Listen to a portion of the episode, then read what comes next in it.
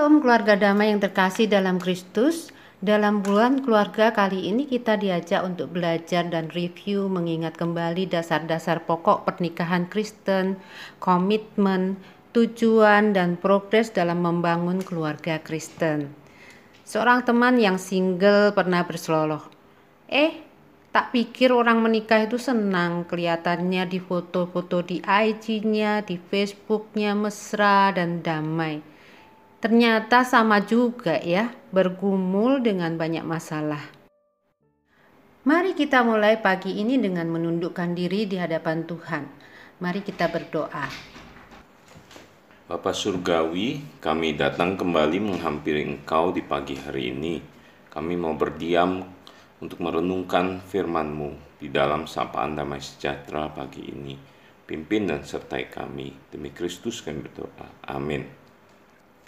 Renungan kita pagi ini diambil dari kitab Kidung Agung 2 ayat 13 sampai dengan yang ke-17. Pohon ara mulai berbuah dan bunga pohon anggur semerbak baunya. Bangunlah manisku, jelitaku, marilah. Merpatiku di celah-celah batu di persembunyian lereng-lereng gunung, perlihatkanlah wajahmu, perdengarkanlah suaramu, sebab merdu suaramu dan elok wajahmu. Tangkaplah bagi kami rubah-rubah itu, rubah-rubah yang kecil yang merusak kebun-kebun anggur, kebun-kebun anggur kami yang sedang berbunga.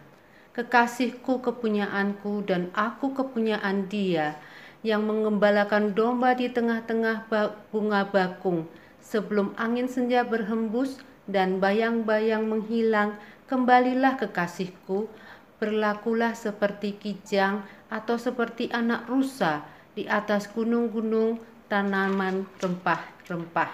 Demikianlah firman Tuhan. Sebuah keluarga dibentuk dari pasangan suami istri yang berlatar belakang berbeda, baik karakter, kebiasaan, maupun nilai-nilai budaya yang berbeda. Sebuah joke mengatakan bahwa Hawa diciptakan ketika Adam sedang dalam keadaan tidur, jadi matanya tertutup. Itulah sebabnya laki-laki tidak bisa memahami wanita. Hal ini membenarkan adanya banyak gesekan dan permasalahan disebabkan oleh perbedaan persepsi dan kurang dapat memahami satu dengan yang lain seperti rubah-rubah kecil yang merusak kebun anggur. Demikianlah masalah-masalah dalam keluarga kami. Apabila didiamkan dan tidak diselesaikan, nampaknya rubah-rubah itu dapat merusakkan kebun anggur atau rumah tangga.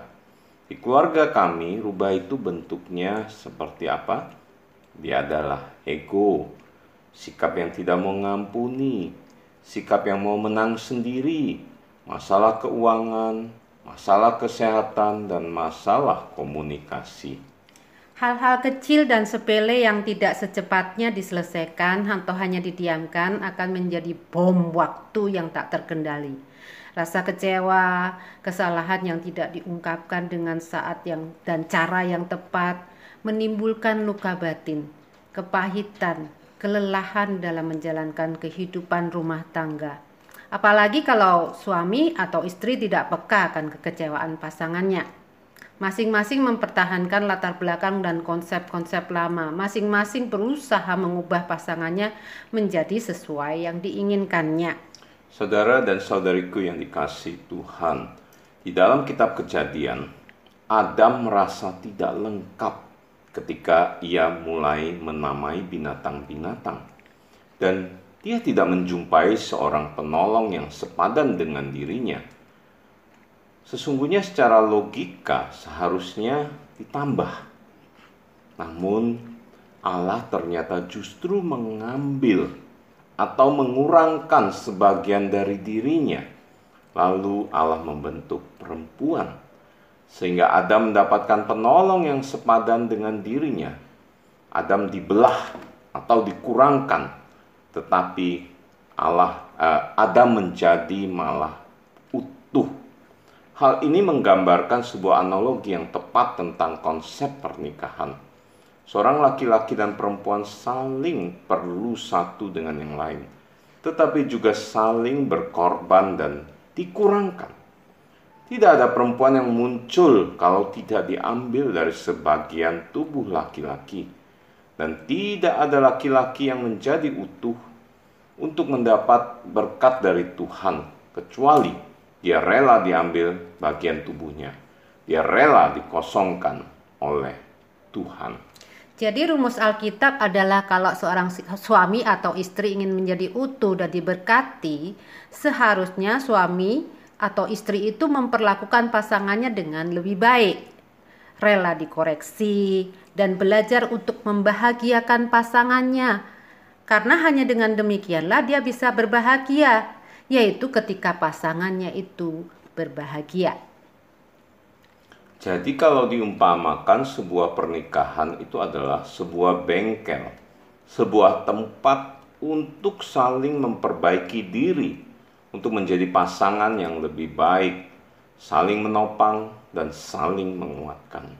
Sewajarnya lah kita melihat suami istri itu sebagai sesama manusia yang masuk ke bengkel, yang butuh dibersihkan, dibenahi, dicun up, ganti oli, dibetulkan yang penyok-penyoknya itu, yang miring dan yang tidak pas. Kalau ada bagian yang tidak pas atau tidak berfungsi, marilah bersama dicari masalahnya dan diperbaiki. Sebagai suami istri, kita sering LDR ya, jarak jauh. Tetapi ketika masa pandemi kemarin kita dipaksa untuk dekat dan Tuhan memasukkan kami ke dalam bengkel yang baik. Kami dikejutkan dengan banyak hal yang selama ini kita diamkan saja. Mengapa? Karena kami enggan untuk bertengkar atau berbeda pendapat. Menjadi sebuah wadah untuk saling membentuk masalah yang dibicarakan bersama, itu membuat pasangan jadi mengerti mengapa memutuskan ini atau itu Ya, ketika di masa pandemi, relasi menjadi begitu dekat, bahkan sering konslet, bukan Bapak Ibu yang terkasih? Banyak hal yang membuat kita dapat melihat menjadi lebih dekat, banyak hal yang membuat kita saling bersenggolan, bersinggungan, bergesekan satu dengan yang lain.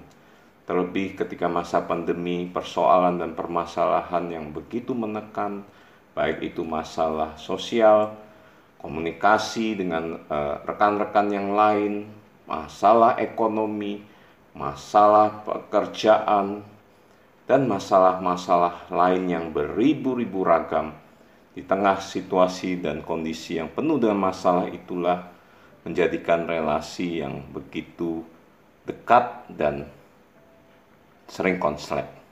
Namun, di saat-saat seperti itulah pernikahan atau keluarga adalah sebuah bengkel untuk kami atau kita melihat kepada diri kita, memperbaiki diri kita, diubahkan, dibentuk, diasah, ditempa oleh Tuhan sendiri melalui pasangan kita.